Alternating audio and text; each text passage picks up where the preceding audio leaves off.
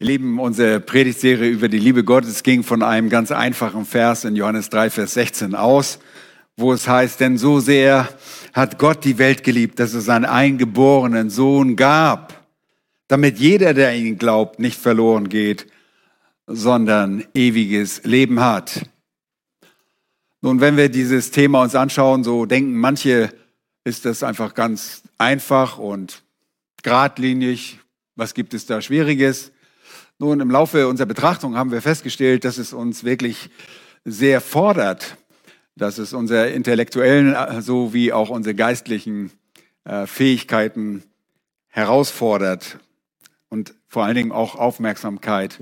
Und dafür wollen wir den Herrn jetzt bitten, dass wir diese Aufmerksamkeit besitzen. Herr, wir kommen zu dir und wir beten noch einmal, rede zu uns und hilf du uns zu hören aufmerksam zu hören, dass wir die Dinge aus dem Alltag ablegen können, dass wir das, was uns ablenkt, zu dir bringen und dass wir uns auf dein Wort ausrichten. Das bete ich um deines Namens willen. Amen. Nun, als wir äh, vor ein paar Wochen über diese äh, Serie sprachen und damit begannen, habe ich euch gesagt, dass es eigentlich relativ einfach ist, den Menschen zu sagen, dass Gott sie liebt. Aber dennoch gibt es dort einige Aussagen und auch Tatsachen zu akzeptieren, die wirklich nicht so einfach sind. Es gibt einige wirklich bohrende, verstörende Fragen, die an uns nagen.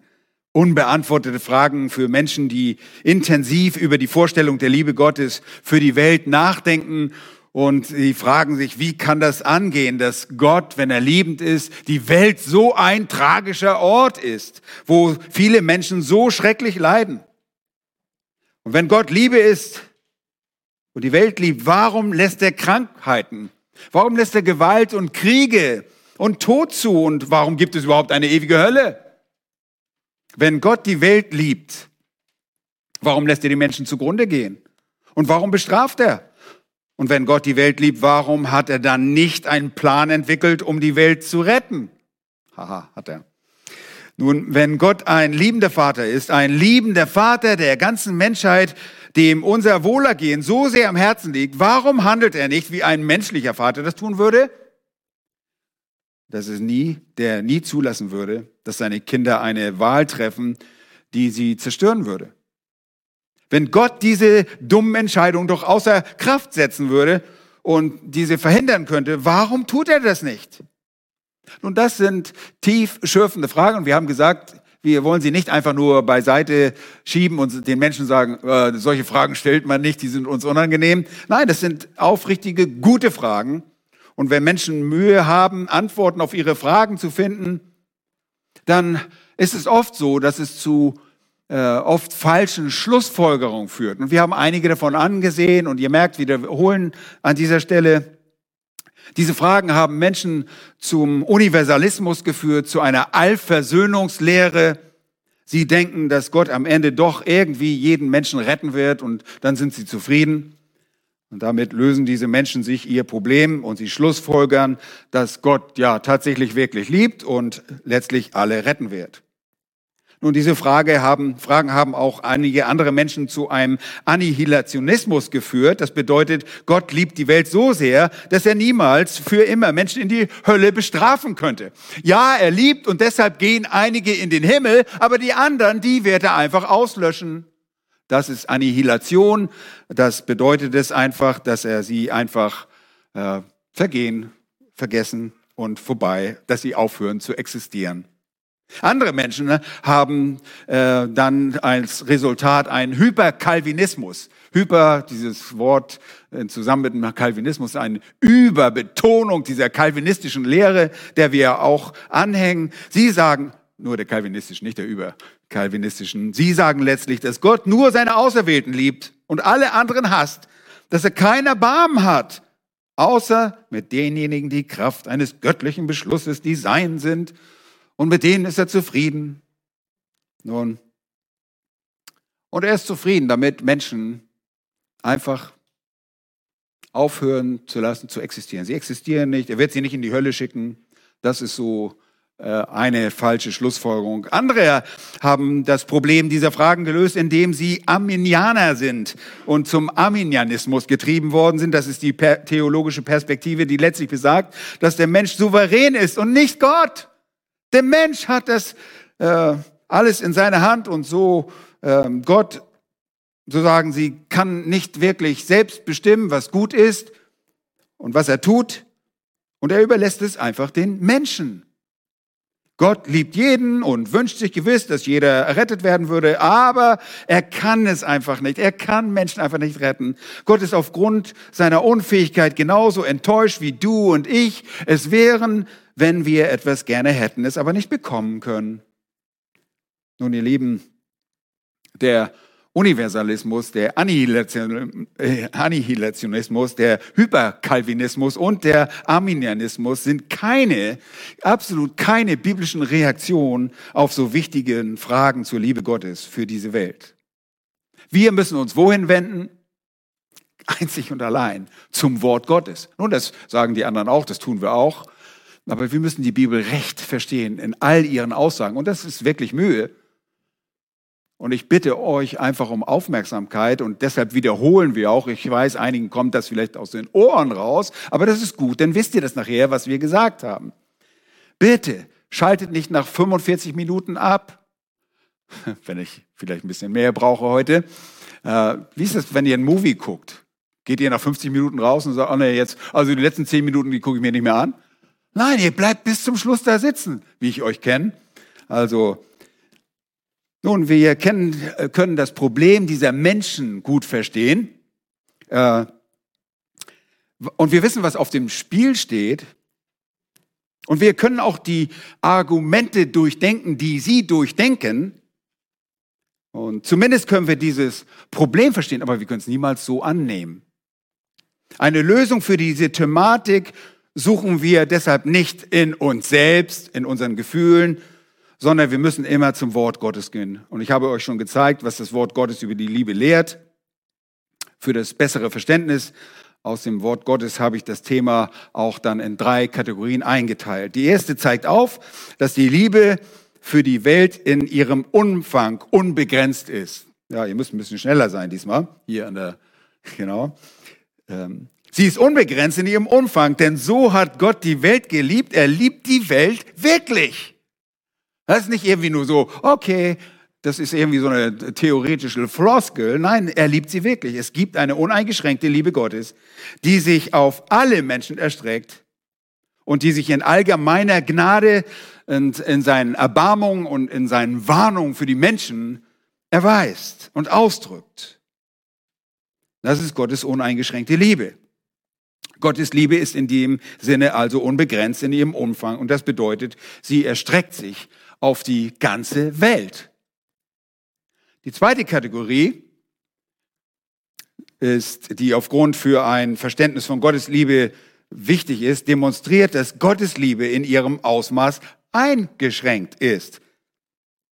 Nun, er liebt die Welt genug, um ihr diese allgemeine Gnade und Barmherzigkeiten zukommen zu lassen und sie auch zu warnen, um sie aufzurufen, Busse zu tun aber er liebt sie nicht so, wie er die Seinen liebt.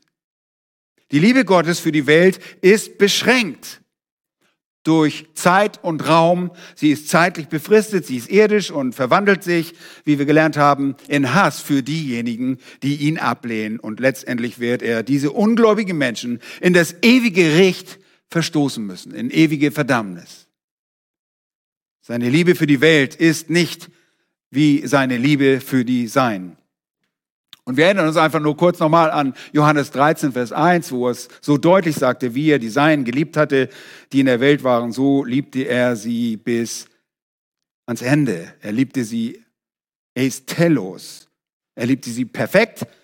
Er liebte sie vollständig und umfassend und komplett bis an die Grenze, bis zum Äußersten, bis zum Letzten und zwar auf ewig. Ja, mit anderen Worten, er liebte sich nicht nur, sondern er liebt sie immer noch. Gottes Liebe für die Welt ist eingeschränkt in ihrem Ausmaß, wenn man sie mit der Liebe vergleicht, die er für die Seinen hat. Und wir haben bereits über die Liebe Gottes für die Seinen gesprochen. Sie ist den Auserwählten vorbehalten, denen, die Buße tun und glauben. Und diese Liebe ist barmherzig und sie ist gnädig, sie vergibt und erneuert, sie erhebt, sie ist überschwänglich und sie ist eine ewige Liebe. Erinnert ihr euch daran, in der Gott seine ewige Gnade uns erweisen wird in alle Ewigkeit? Ist es nicht wunderbar? Es ist eine unzertrennliche, unzerbrechliche und unerschütterliche, eine unvergängliche Liebe, die er für die Kinder Gottes hat. Und vor 14 Tagen haben wir dann noch dazu gesehen, dass Gottes Liebe eine läuternde, eine heiligende, eine freundliche, reinigende Liebe ist. Und sie ist eine züchtigende Liebe. Eine Liebe, die, ähm, oder er, wo Gott seine, die Objekte der Liebe heilig macht. Es ist eine Liebe, die züchtigt, es ist eine Liebe, die erzieht, zur Einsicht bringt und zur Gottesfurcht führt. Es ist eine Liebe, die alle menschliche Erkenntnis, die Logik und unsere Erfahrung übersteigt, aber sie ist trotz ihrer Größe dennoch erfahrbar und begreifbar. Es ist jene grenzenlose Liebe, die Gott für diejenigen hat, die nach Gerechtigkeit und Gehorsam im Glauben streben. Und wir, die wir Kinder Gottes sind, erleben sie, stimmt's? So ist es. Und wir haben uns also mit jeder uneingeschränkten Liebe Gottes beschäftigt und wir haben uns mit dem Ausmaß der eingeschränkten Liebe Gottes für die Seinen beschäftigt. Und das führt uns zu der bedeutendsten Frage, nämlich, wie antworten wir auf all diese Fragen, die wir zu Anfang gestellt haben? Diese doch manchmal so unangenehmen Fragen, wie wir manchmal denken. Wie verstehen wir den Unterschied zwischen der Art, wie Gott die Welt liebt und der Art, wie er die Seinen liebt? Und auf welcher Grundlage tut er das? Warum hat Gott eine andere Liebe für einige Menschen im Vergleich zu anderen? wenn wir seinen eigenen Plan und seinen eigenen Willen, seinen eigenen Wunsch und seinen eigenen Entschluss ansehen. Diese Fragen führen uns zu dieser dritten Kategorie. Drittens ist Gottes Liebe für die Welt wird durch die Anforderung seiner Herrlichkeit bestimmt. Gottes Liebe für die Welt wird von den Anforderungen seiner Herrlichkeit bestimmt und ist damit auf seine eigene Ehre ausgerichtet. Und das bedeutet, wie auch immer Gott liebt, er wird es auf eine Art und Weise tun und er wird auf eine Art und Weise lieben, die im absoluten Einklang mit seiner Person steht, mit seiner Herrlichkeit steht. Das haben wir schon im Psalm 106 gelesen. Da sehen wir auf der einen Seite Zorn, da sehen wir Barmherzig, Barmherzigkeit und Gnade. Die Liebe Gottes ist immer auf ihn selbst und auf seine Ehre ausgerichtet. Und das wollen wir heute kurz durcharbeiten. Also bleibt bei mir, weil das wirklich eine grundlegende Wahrheit ist, die ihr verstehen müsst. Und nur weil Gott die Welt liebt, bedeutet das nicht, dass er verpflichtet ist, jeden bedingungslos gleich sehr zu lieben. Das ist nicht der Fall. Gott ist nicht ein Gefangener seiner eigenen Liebe und auch kein Gefangener des menschlichen Verlangens und jener Liebe. Er ist in ihr nicht gebunden. Und er ist auch nicht an die menschliche Logik gebunden.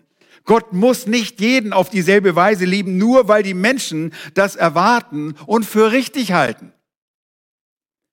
Und ich sage das noch einmal. Nur weil Gott liebt, bedeutet das nicht, dass er verpflichtet ist, alle Menschen bedingungslos und gleichermaßen zu lieben.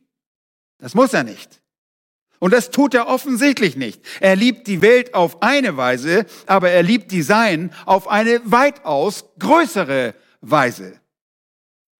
Anders ausgedrückt könnte man sagen, nur weil Gott liebt, bedeutet es nicht, dass seine Liebe von seinen anderen Vollkommenheiten, damit meinen wir seine perfekten Eigenschaften getrennt ist.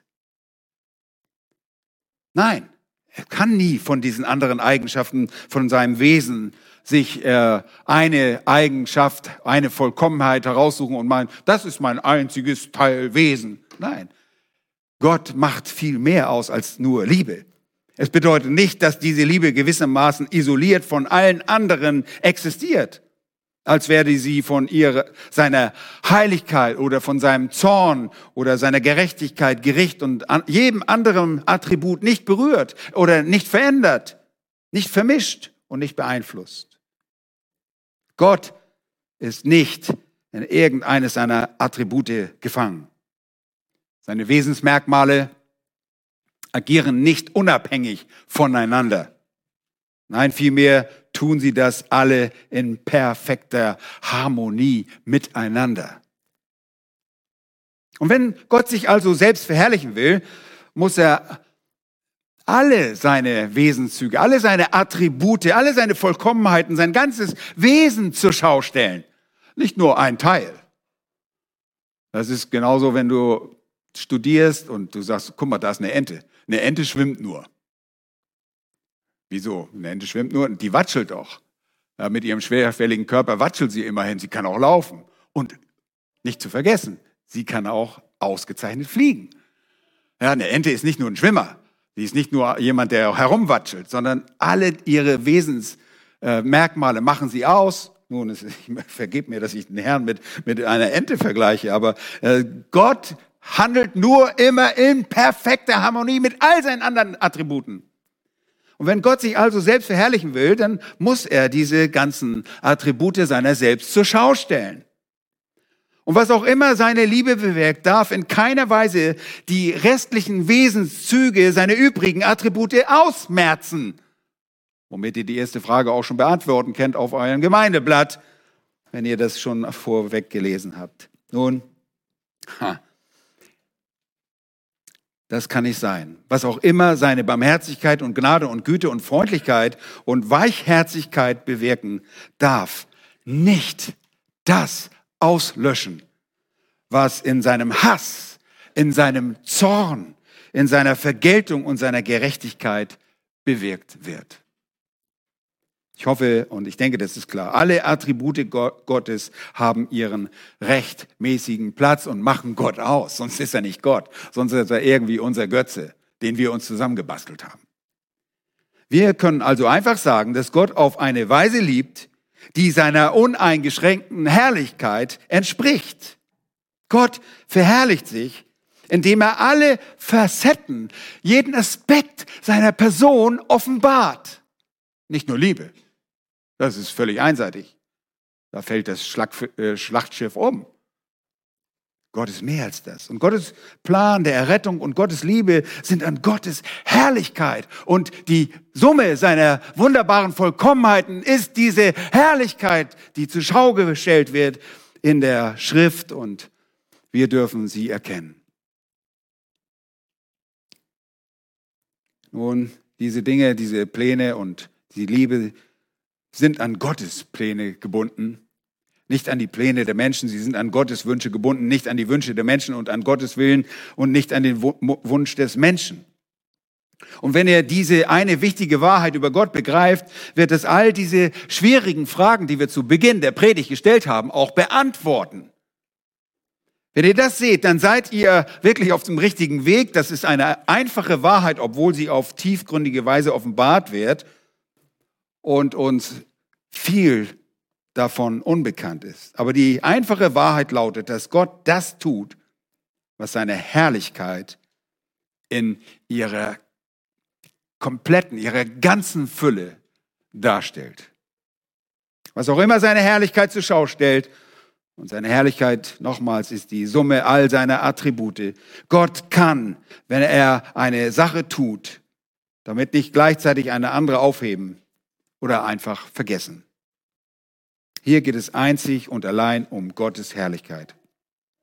Und ich möchte diese grundsätzliche Wahrheit natürlich auch an der Schrift demonstrieren und aufzeigen und äh, auch verfestigen, damit ihr das versteht und auch nicht vergesst. Bitte schlagt mit mir Psalm 31 auf. Im Psalm 31 tritt David vor Jahwe und dort spricht er über die Macht Gottes und die Erlösung.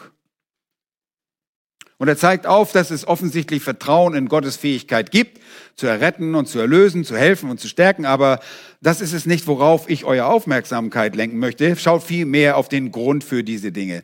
Und da beginnen wir in Vers 1. Da heißt es, bei dir, Jahwe, habe ich Zuflucht gefunden. Lass mich niemals zu Schanden werden. Errette mich durch deine Gerechtigkeit. Neige dein Ohr zu mir, rette mich rasch. Sei mein sei mir ein starker Fels, eine feste Burg zu meiner Rettung, denn du bist mein Fels und meine Festung. Und hier sind viele Aussagen des Vertrauens. Und dann rette mich, äh, ja, wir sehen es einfach, diese, diese Aussagen sind, rette mich durch deine Gerechtigkeit, höre mir zu, rette mich, sei mein Felsen, haben auch von diesem Felsen schon im Vorprogramm gehört, sei eine Festung, rette mich, du bist mein Fels, du bist meine Festung. All das ist eine Auflistung von Gottes errettendem, erlösenden Werk.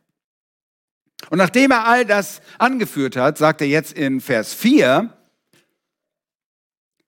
führe und leite du mich um deines Namens willen. Was auch immer du in meinem Leben tust, Jahwe, es geht nicht so sehr um mich, sondern um was? Um dich. Das ist nicht so schwierig. Wenn es nicht um mich geht, geht es um dich. Es dient dazu, deine Herrlichkeit zu offenbaren, damit die Menschen sehen, dass du ein Gott bist, bei dem wir Zuflucht nehmen können, dass du ein Gott der Gerechtigkeit bist, dass du ein Gott bist, der uns hört, dass du ein Gott bist, der rettet, dass du stark bist, dass du ein Retter bist, dass du ein Führer bist, dass du uns leitest. Tu es, Jahwe! Stelle dich selbst zur Schau. Und das ist das Gebet wirklich eines belehrten Gläubigen. Er sagt, nicht um meines Willen, sondern um deinetwillen. Und das ist, was leite du mich um deines Namens willen bedeutet. Das sollte unser aller Gebet sein. Leite mich um deines Namens willen. Und ihr Lieben, das ist der Grund für alles, damit Gott seine Herrlichkeit vor den Engeln und der ganzen Schöpfung zur Schau stellen kann. Was auch immer Gott tut, wird nicht geschehen, weil die Mehrheit der Christen abgestimmt hat und wir sagen, na, ich finde, die Liebe Gottes sollte sich so und so ausdrücken. Das, das geht nicht. Es wird nicht geschehen, weil irgendetwas am vernünftigsten oder am logischsten erscheint oder weil wir denken, es sei am gerechtesten.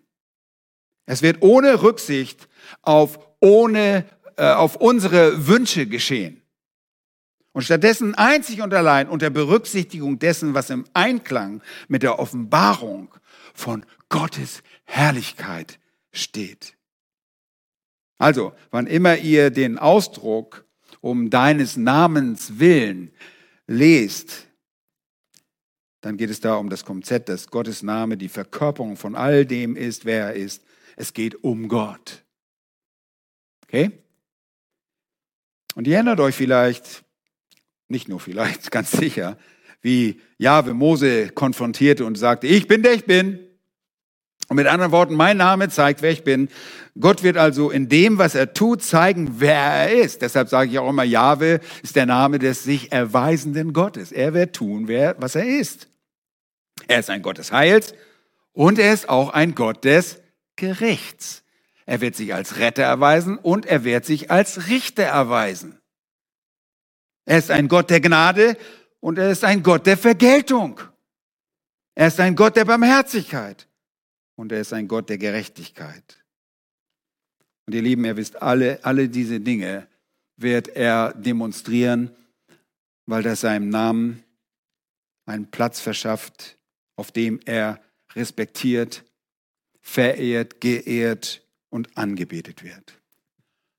Und dann geht bitte mal zu Psalm 79. Da finden wir ein weiteres Beispiel. Psalm 79, ein Psalm Asafs.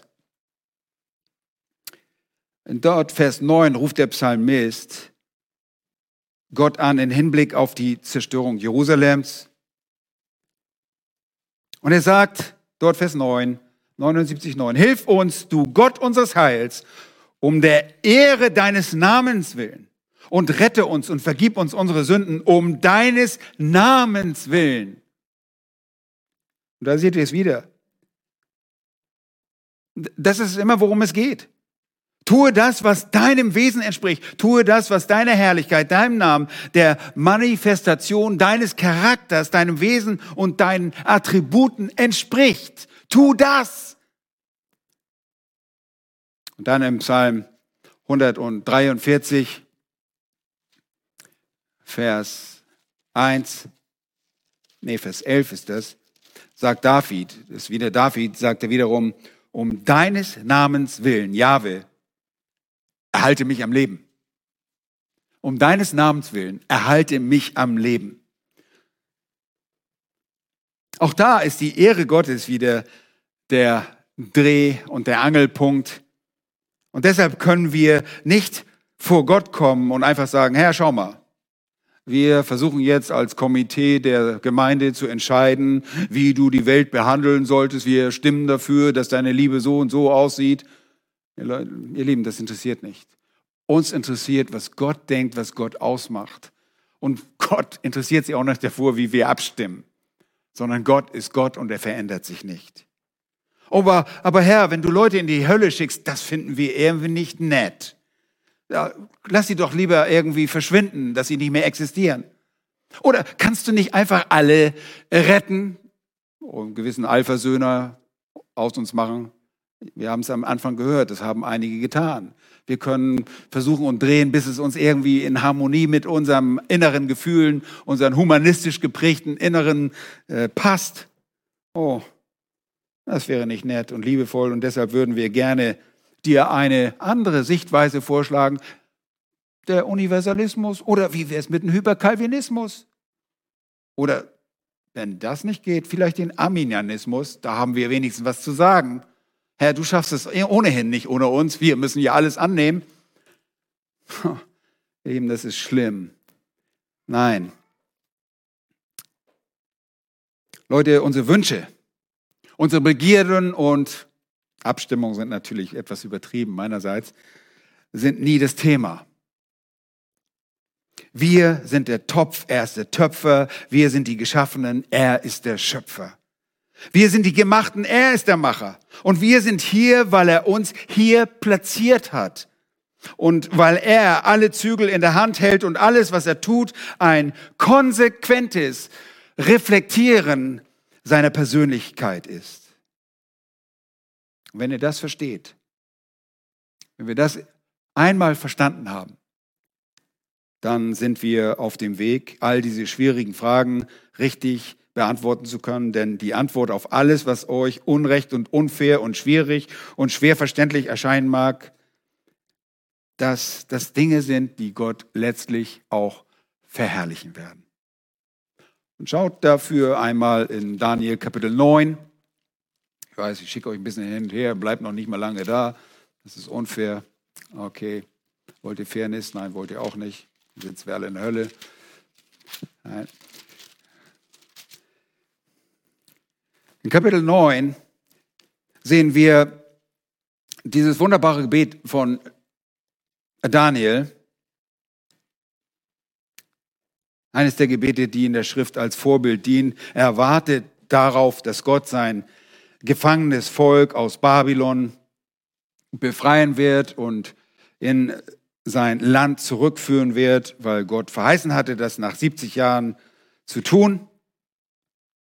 Und als Daniel den Propheten Jeremia liest, erinnert er sich daran, dass die Gefangenschaft für 70 Jahre war, oder er liest davon, und diese 70 Jahre sind fast vorbei. Also beginnt er zu Jahwe zu beten. In Vers 4 nennt er ihn Herr, den großen und furchtgebietenden Gott, der den Bund und die Gnade den bewahrt hat, die ihn lieben und seine Gebote bewahren. Und dann beginnt er mit dem folgenden Bekenntnis in Vers 5. Wir haben gesündigt und haben Unrecht getan und gesetzlos gehandelt. Wir haben uns aufgelehnt und sind von deinen Geboten und deinen Rechtsordnungen, wir sind abgewichen. Und er redet immer so weiter, bis er zu Vers 11 kommt, wo es dann heißt, ganz Israel hat dein Gesetz übertreten und ist abgewichen, sodass es auf deine Stimme gar nicht hören wollte. Darum, darum hat sich auch über uns ergossen, was als Fluch und Schwur im Gesetz Moses, des Knechtes Gottes geschrieben steht, weil wir gegen ihn gesündigt haben. Seht ihr, als erstes sagt Daniel, Gott, du hast uns schwer bestraft. Und die Israeliten wurden aus ihrem Land vertrieben und niedergemetzelt und die übrigen in der, die Gefangenschaft geführt. Und damit wurden sie schwer bestraft, denn sie hatten Götzenanbetung praktiziert. Sie hatten nicht Jahwe gedient, sondern sie haben den Göttern gedient, sodass die Strafe Gottes gerechtfertigt war. Und Jahwe Gott hatte selbst angekündigt, was er tun würde. Gott hat also seinen Namen verherrlicht, indem er zeigt, dass Götzenanbetung eine Sünde ist, die Zerstörung verdient. Wenn er also auf heilige Weise auf die Götzenanbetung reagiert, steigert das die Heiligkeit Gottes. Stimmt's? Es wäre schlimm, wenn Gott das nicht getan hätte. Wenn er gesagt, oh, macht doch, was ihr wollt, ich bin der liebende Gott, ihr dürft machen, was ihr wollt. Nein, nicht bei Gott. Das könnt ihr bei euren Taschengötzen machen, aber nicht mit Gott. Und Daniel stimmt hier zu, dass diese Menschen das verdienen, was Gott ihnen angetan hat. Und dass es Gottes Herrlichkeit in keiner Weise schmälert, sondern ihn vielmehr erhebt und äh, verherrlicht. Weil genau das eintritt, was Gott vorher gesagt hat, dass er tun würde, aufgrund von Götzendienst. Diese schändlichen und verdorbenen Menschen wurden deshalb streng bestraft. Und das zeigt uns, wie herrlich Gott ist. Gott wird also durch sein Gericht verherrlicht. Gott wird dadurch verherrlicht, dass er zeigt, dass Götzenanbetung eine schwere Sünde ist, die die Zerstörung verdient. Und das steigert nur die Herrlichkeit Gottes. Aber Gott hat auch verheißen, dass er sein Volk in sein Land zurückführen wird. Und so kommt Daniel dann dazu zu sagen, Gott verherrliche dich jetzt durch deine Barmherzigkeit. Seht ihr? Erst erkennt er an, das, was uns widerfahren ist, das ist gerecht, wir haben diese Bestrafung verdient, aber jetzt appelliert er an die Barmherzigkeit Gottes. Ein weiteren Aspekt und eine weitere Vollkommenheit unseres Gottes. Das Ganze ist also kein Fall von entweder oder, sondern beides. Und deshalb betet Daniel zu Jahwe, dass dieser das Volk zurückbringen möge. Schaut mal weiter in Vers 17. So höre nun unser Gott auf das Gebet deines Knechtes und auf sein Flehen. Und jetzt kommt's. Und lass dein Angesicht leuchten über dein verwüstetes Heiligtum um des Herrn willen. Und damit ist wieder Jerusalem gemeint. Wir hatten schon von dem zerstörten Jerusalem gemeint und, und der Berg und auf dem Te der Tempel stammt. Vers 18. Neige dein Ohr, mein Gott, und höre, tue deine Augen auf und sieh unsere Verwüstung und die Stadt, die nach deinem Namen genannt ist. Denn nicht um unserer eigenen Gerechtigkeit willen bringen wir unsere Bitte vor dich, sondern um deiner großen Barmherzigkeit willen. Herr, höre, Herr, vergib, Herr, achte darauf und handle und zögere nicht. Um deiner selbst willen, mein Gott. Denn nach deinem Namen ist deine Stadt und dein Volk genannt. Offenbare deine Gnade um deiner selbst willen. Einfach um deinetwillen. Offenbare deine Barmherzigkeit, denn es geht um dich. Offenbare deine Kraft, die Kraft zur Wiederherstellung. Und genau darum geht es. Du hast dich in deinem Zorn verherrlicht, jetzt verherrliche dich in deiner Barmherzigkeit. Und in Jesaja 43, äh, 49, Vers 3, müsst ihr nicht aufschlagen, sagte Jahwe, du bist mein Knecht, bist Israel, durch den ich mich verherrliche. Jesaja 49, Vers 3. Und das tat Jahwe und das wird er künftig tun. Er zeigte seine Herrlichkeit durch das Gericht und durch Barmherzigkeit.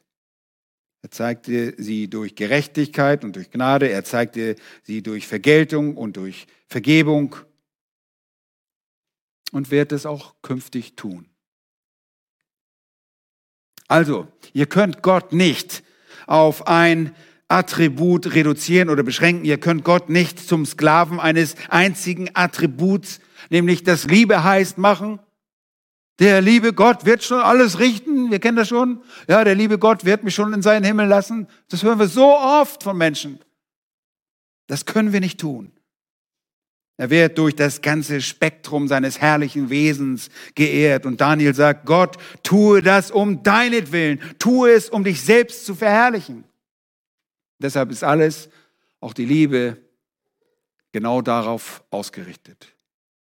Nun schlagt einmal Jesaja 48 auf. Ups. Jesaja Kapitel 48. Da finden wir dieselbe Perspektive. In Vers 9 sagt Gott,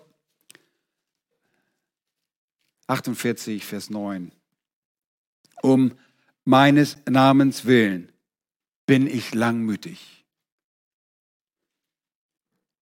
Das ist sehr interessant. Gott zeigt seine Herrlichkeit durch sein Gericht, seinen Zorn. Er zeigt seine Herrlichkeit durch seine Barmherzigkeit, seine Gnade.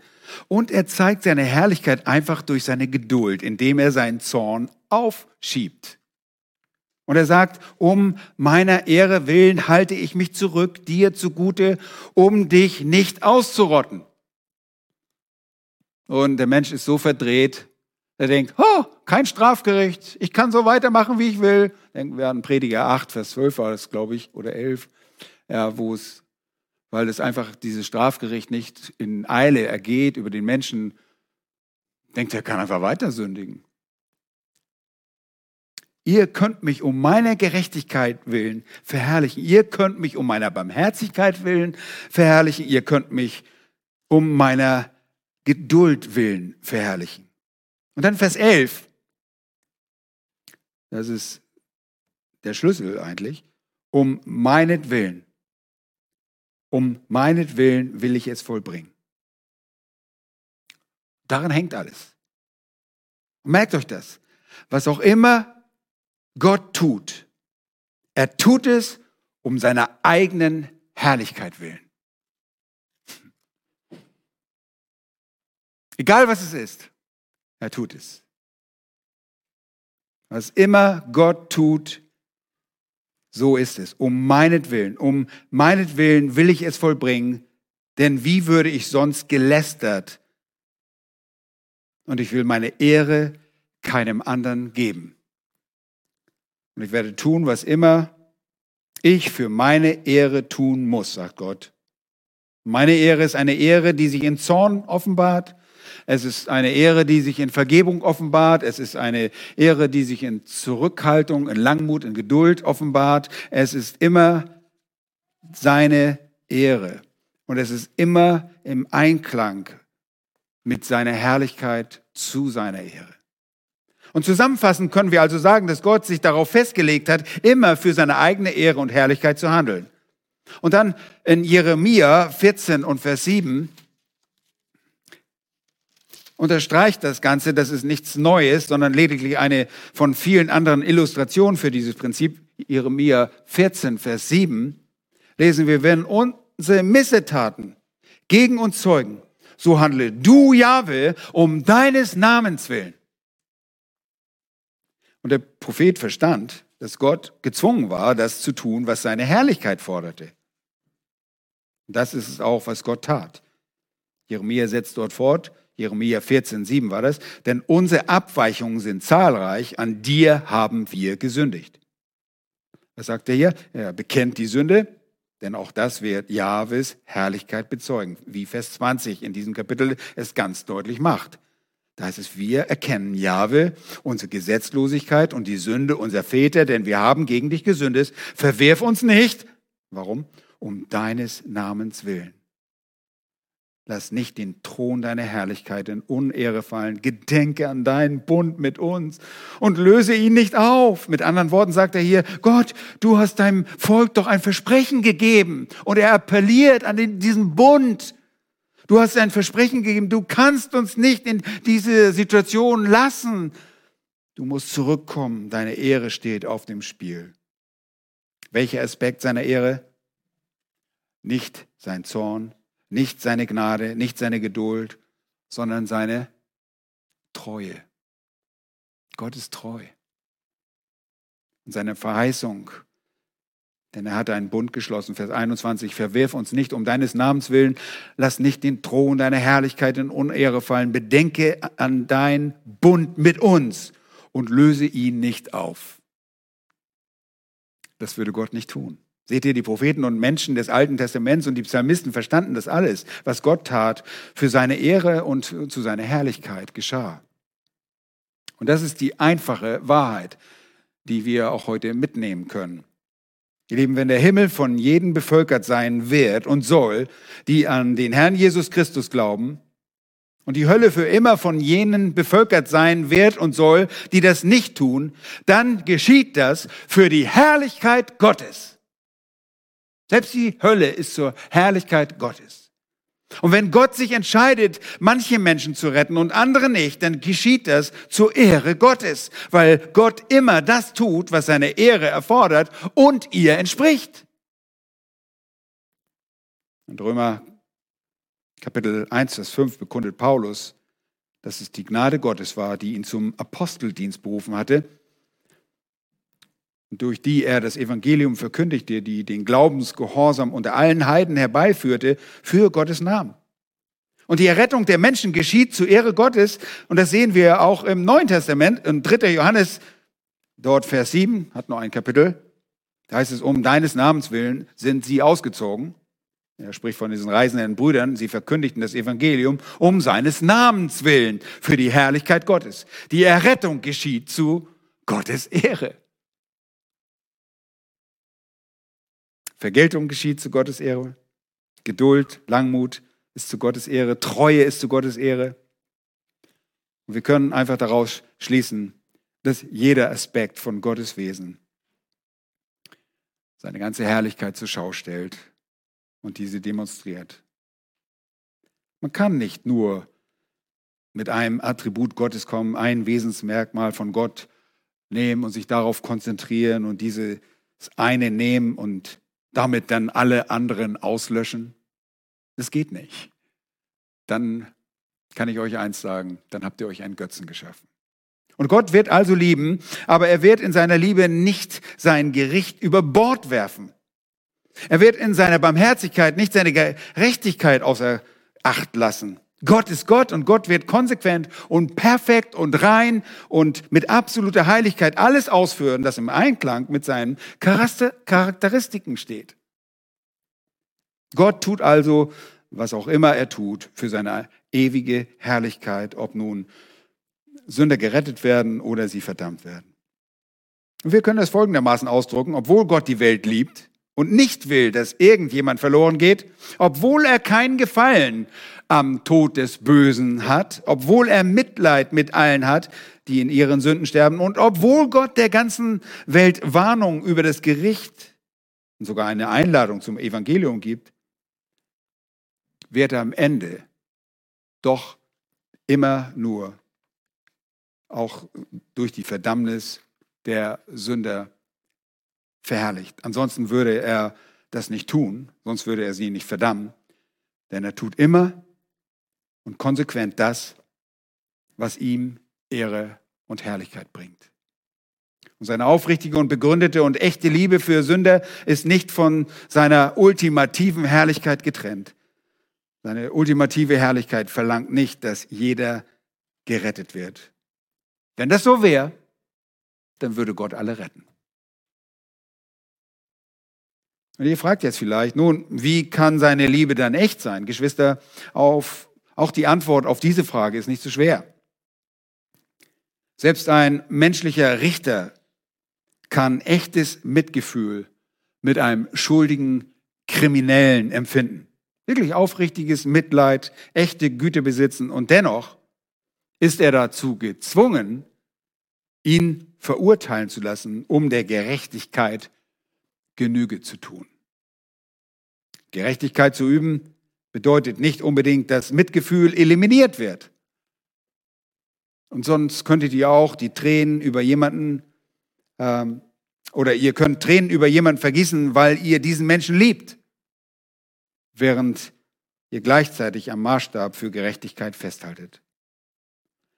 Mit anderen Worten, auch ein menschlicher Richter kann Mitleid und Liebe und Zuneigung für einen Verurteilten haben, aber der Maßstab der Gerechtigkeit muss immer hochgehalten werden, muss aufrechterhalten werden, damit die Integrität seines Amtes in der Würde seiner Person bewahrt wird.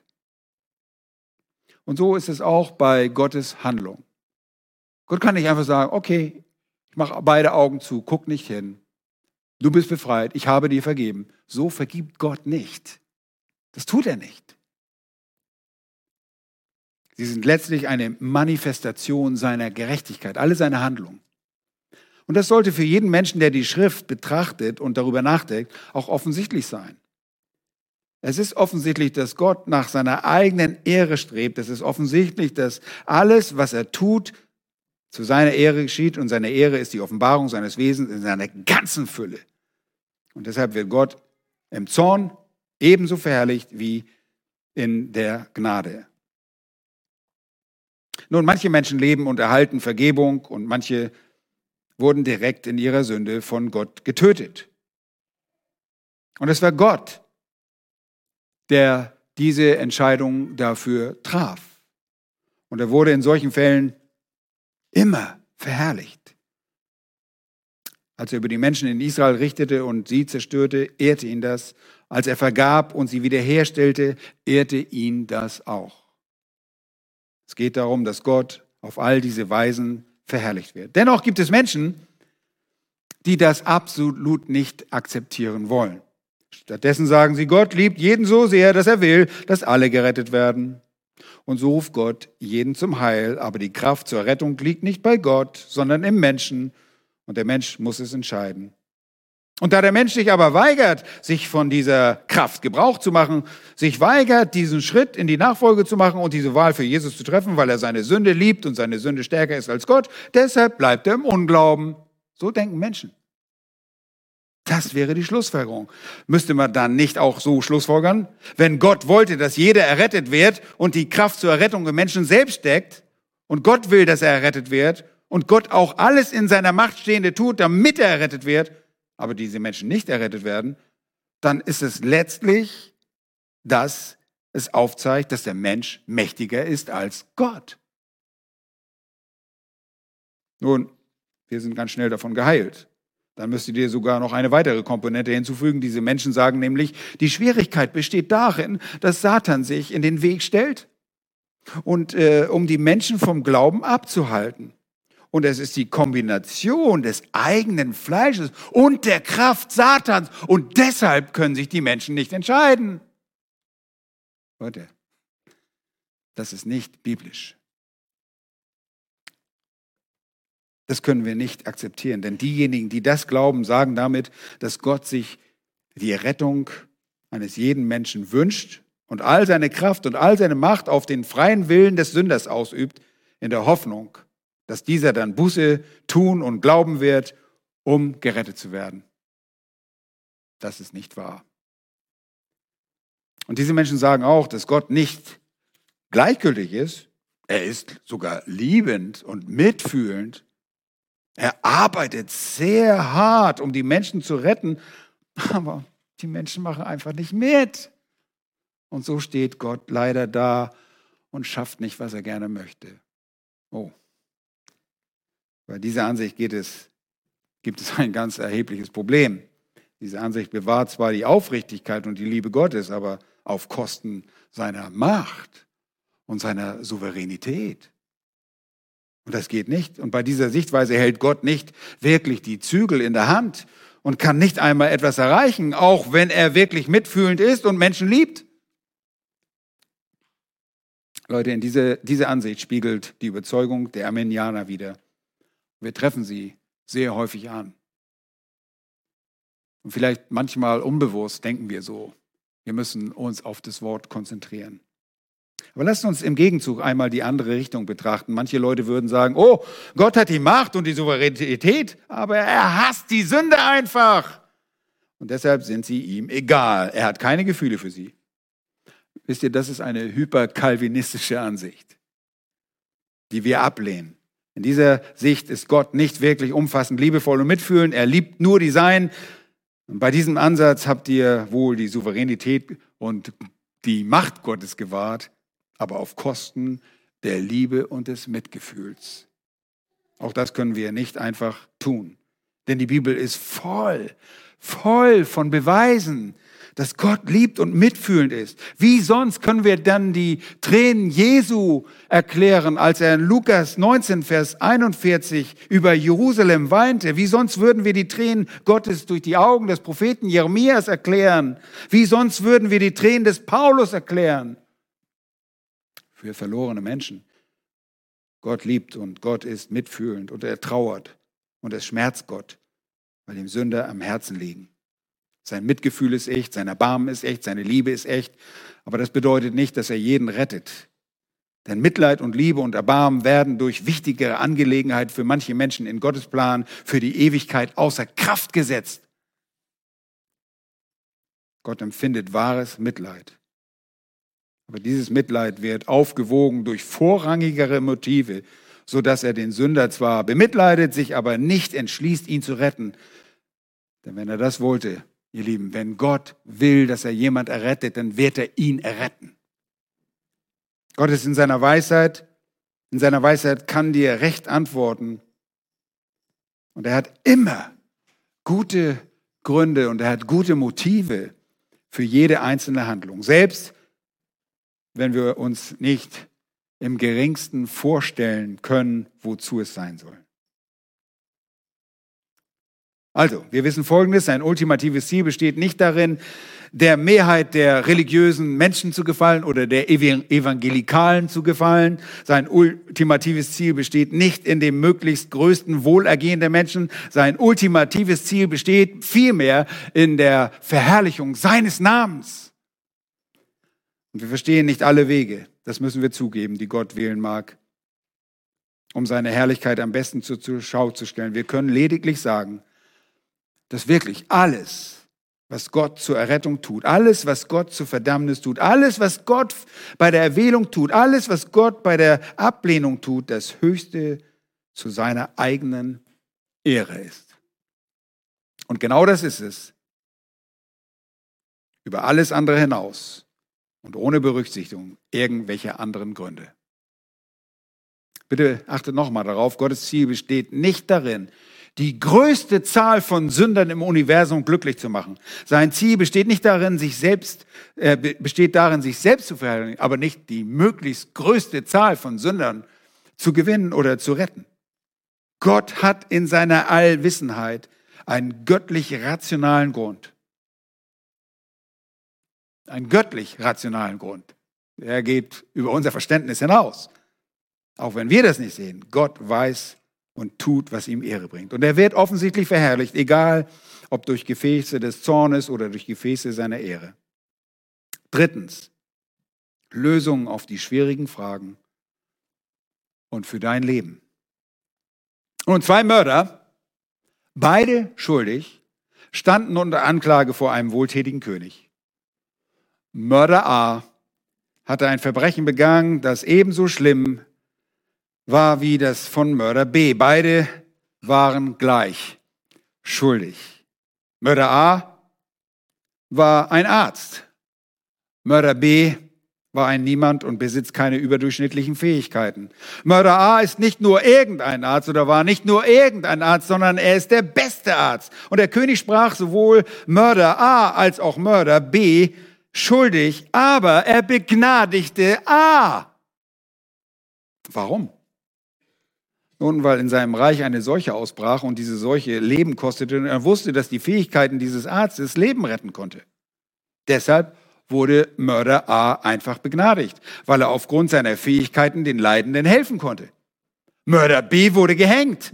Er wurde für den Mord gehängt, den er begangen hatte.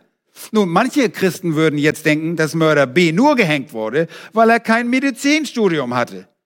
Aber dabei verkennen wir diese Menschen, verkennen diese Menschen wirklich, worum es geht. Mörder A, der davongekommen ist, wurde genauso des Mordes schuldig gesprochen wie B. Trifft es demzufolge nicht zu, dass B in Wirklichkeit gehängt wurde, weil er keine medizinischen Kenntnisse hatte? Entschuldigung, Mörder A, der davongekommen ist, war genauso des Mordes schuldig wie B. Aber A ist davongekommen. Ne? Ist es nicht so, dass er nur davongekommen ist, weil er keine medizinische Kenntnis hatte? Nein. Mörder B wurde gehängt, weil er einen Mord begangen hatte. A wurde verschont, weil der König ein Ziel hatte, das er durch A erfüllen konnte. Und ihr Lieben, das ist gefährlich, aber der Vergleich ist so, so ist Gott. Gott wählt frei heraus. Und Gott braucht nicht befähigte Leute, die bestimmte Fähigkeiten besitzen, aber wir könnten denken, dass jemand gewählt ist, weil er vielleicht bestimmte Fähigkeiten besitzt. So ist es aber nicht, sondern er ist einfach begnadigt worden, weil Gott einen Plan mit dieser Person in seinem Reich hat. Und diesen Plan kennen wir nicht, so wie in diesem äh, angeführten Beispiel. Es ist Gottes reine Gnade, wenn wir leben sollen. Und es dient göttlichen und heiligen Zwecken, die uns unbekannt sind, abgesehen von denen, die sich in den Erfahrungen unseres Lebens entfalten und vielleicht auch irgendwie rückblickend aus der Perspektive der Herrlichkeit. Aber Gott weiß genau, welche Pläne er hat. Er ist weise, er ist souverän, aber seine Motive wurden uns nicht offenbart. Dennoch wir wissen, dass das, was er tut, um seiner Ehre willen geschieht. Und er wird sich selbst als einen Gott der Gerechtigkeit, des Gerichts, der Vergeltung, des Zorns und auch der Strafe offenbaren. Er wird sich selbst als ein Gott der Barmherzigkeit, der Gnade, der Liebe, der Vergebung, der Geduld, der Treue und aller anderen Dinge offenbaren. Nun, die Errettung einiger Sünder und das ewige Verderben anderer konzentrieren sich alle auf Gottes Ehre. Und das, ihr Lieben, ist alles, was wir dazu wissen müssen. Mehr nicht.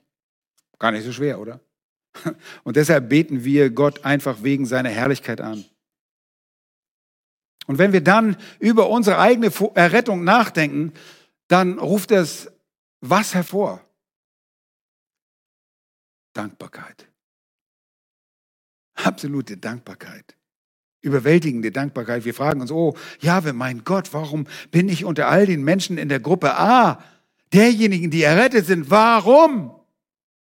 Und wir kennen keinen triftigen Grund, außer den, dass Gott souverän in seiner Erhabenheit gewählt hat. Auf der anderen Seite wird Gottes wahres Mitgefühl und seine wahre Liebe für den Sünder durch ein konsequentes und absolut heiliges Motiv gezügelt, sodass es nicht zur Rettung führt.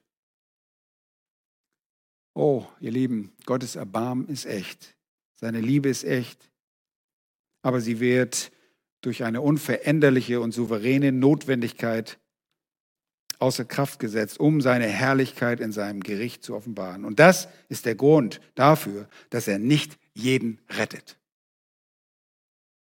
Okay? Seine Herrlichkeit verlangt die wahre und vollständige Befriedigung all seiner wahren und wundervollen Attribute.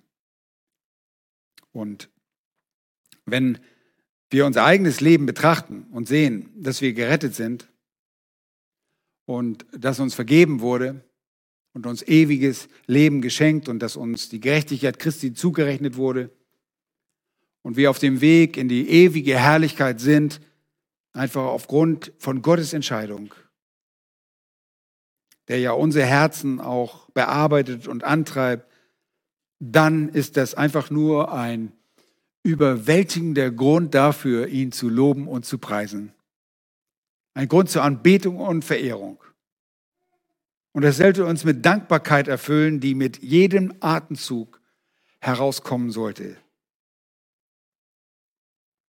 Was ist aber mit den Menschen auf der anderen Seite? Nun, Gott wendet sich durch sein Wort auch an sie. Und ich kann zu allen von euch, die Christus nicht kennen, nur eins sagen, dass es immer um euren Unglauben geht. Ihr könnt euch nicht umsehen und irgendwie herausfinden wollen, ob mein, dein Name auf der Liste der erwählten Gottes steht. Wir haben keinen Einblick in solche Liste. Ihr braucht nicht versuchen, mit jemand zu reden, der für euch von Gott herausfinden kann, ob ihr erwählt seid oder nicht. Ihr müsst Buße tun und glauben. Denn das ist das, was in der Bibel von Gott her verlangt wird.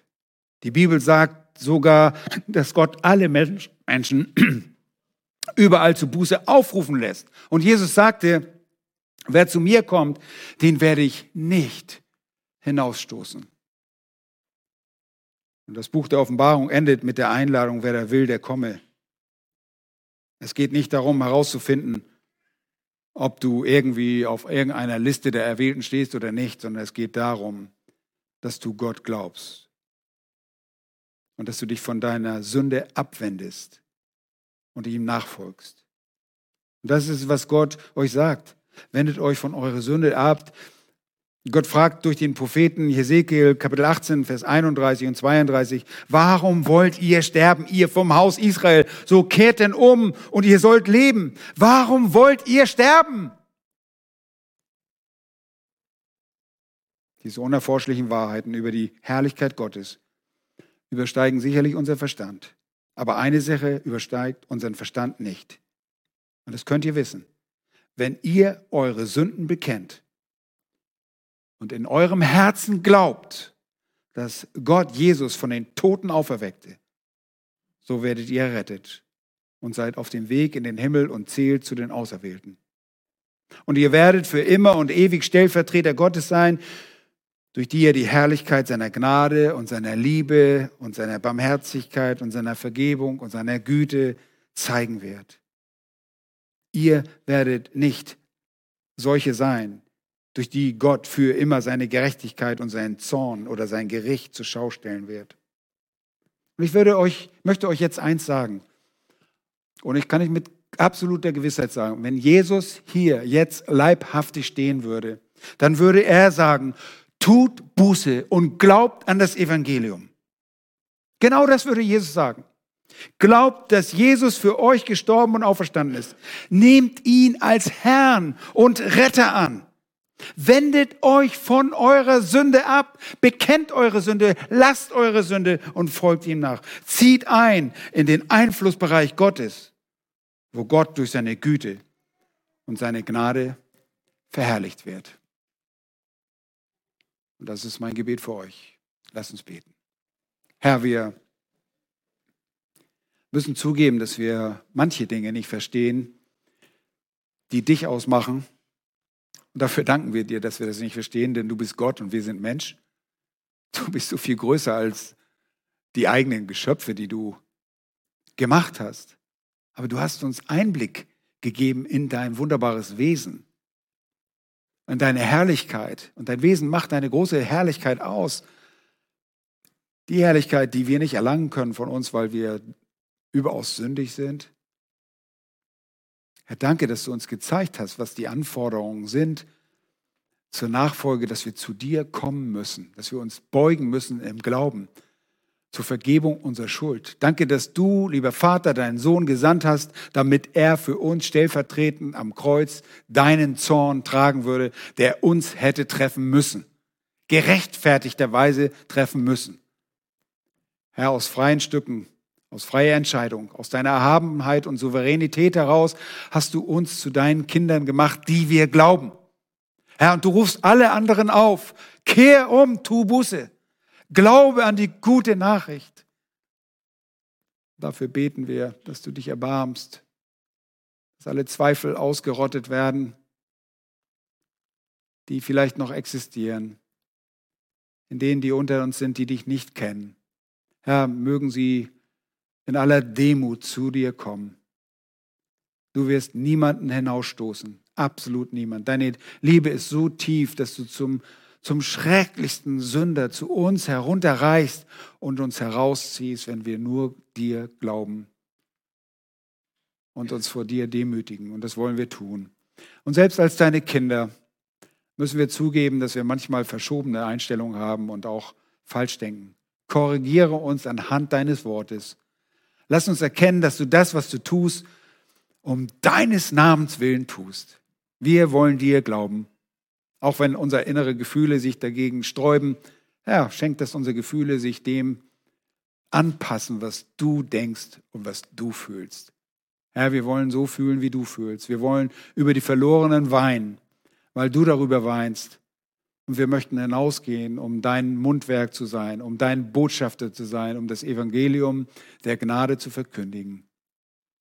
Herr, rette du, rette auch heute. Herr, heute ist der Tag des Heils. Heute bist du da und hast deine Arme offen und nimmst den Sünder entgegen, der vor dir Buße tut. Dafür danken wir dir. In Jesu Namen. Amen.